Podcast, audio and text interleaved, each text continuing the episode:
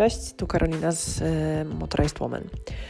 Postanowiłam nagrać ten podcast, aby odpowiedzieć na pytanie, co jest ważniejsze, marketing czy sprzedaż, zwłaszcza w dobie kryzysu. Ja stawiam na marketing. Dlaczego? Bo to działania marketingowe kreują sprzedaż.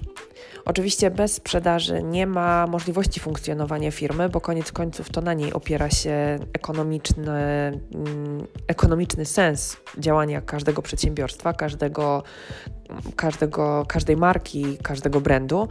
E, natomiast bez działań marketingowych nie ma sprzedaży. Kryzysie ludzie obawiają się o swoją przyszłość, o przyszłość swoich firm, żyją w niepewności, nie wiedzą, co przyniesie jutro, boją się inwestować swoje pieniądze, bo nie wiedzą, jaka będzie przyszłość, czy to się zwróci, czy, czy niekoniecznie. Oczywiście ludzie ograniczają też konsumpcję yy, i o tym opowiem. Oczywiście część inwestycji e, funkcjonuje, ale one głównie opierają się w kryzysie na spekulacjach, a spekulacje, jak dobrze wiecie, nie dotyczą rynku dóbr luksusowych, bo rynek luksusowych produktów jest dość stabilny, e, zwłaszcza w kryzysie. E, natomiast jeśli chodzi o konsumpcję, to ona dotyczy dóbr luksusowych, bo, bo są to do, dobra konsumpcyjne. E, jeśli chodzi o działania marketingowe, to one stanowią pierwszy etap procesu sprzedaży. Y, są etapem otwierającym, ponieważ opierają się o informowanie o produkcie, y, o informowanie o historii, o budowaniu historii, całej komunikacji produktu. One mają za zadanie budowanie chęci przynależności do grupy posiadaczy tych produktów y, oraz samą chęć posiadania. Tak tłumacząc to trochę na, na chłopski rozum, kto chciałby kupić torebkę Birkina albo buty Laboutin, jeśli mogą funkcjonalnie takie same produkty kupić za zdecydowanie inne pieniądze. Taka torebka Birkina może kosztować 300 tysięcy złotych, a zwykłą torebkę, która funkcjonalnie ma takie same właściwości, można kupić za 30 zł. E, I to samo z butami. W ich wypadku, jak w wypadku każdego innego produktu luksusowego, oczywiście one są stworzone ze świetnych materiałów, e, to jest ręczna robota, to jest niezwykła jakość, trwałość, ale funkcjonalnie to jest to samo.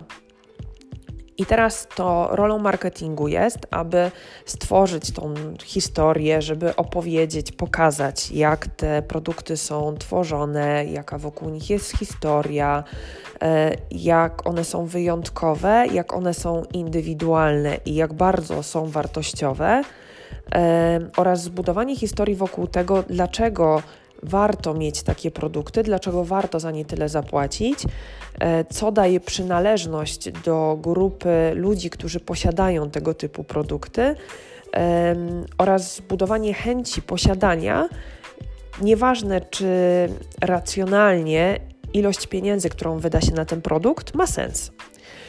I Marketing w produktach luksusowych to zdecydowanie więcej niż sam produkt yy, i sama marka, bo to cała jego historia. To jest relacja marki z klientem.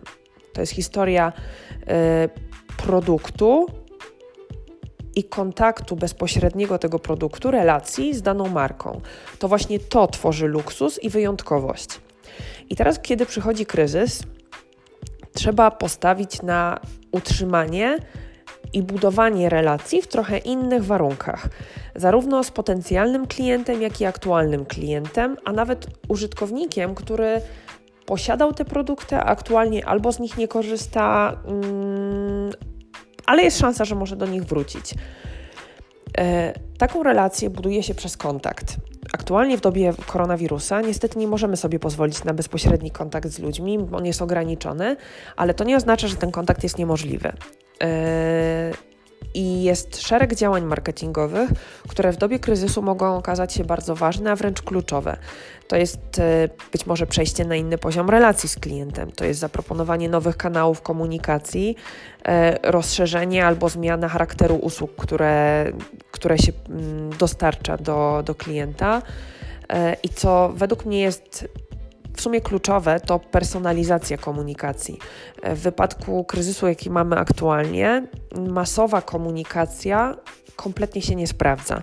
To klient musi wiedzieć, że my o nim pamiętamy, że, że my go znamy, że być może wiemy, jakie on może mieć problemy yy, i że my staramy się go zrozumieć i chcemy mu pomóc, bo tak być zresztą powinno. Sprzedaż jest y, oczywiście bardzo istotna i sprzedaż stanowi domknięcie procesu, y, procesu sprzedaży opartego o marketing, ale bez tego rozpoczęcia nigdy nie będzie domknięcia, bo do niego po prostu nie dojdzie. Dlatego też to rolą zarówno sprzedawców, jak i marketingowców w aktualnej sytuacji jest ścisła współpraca.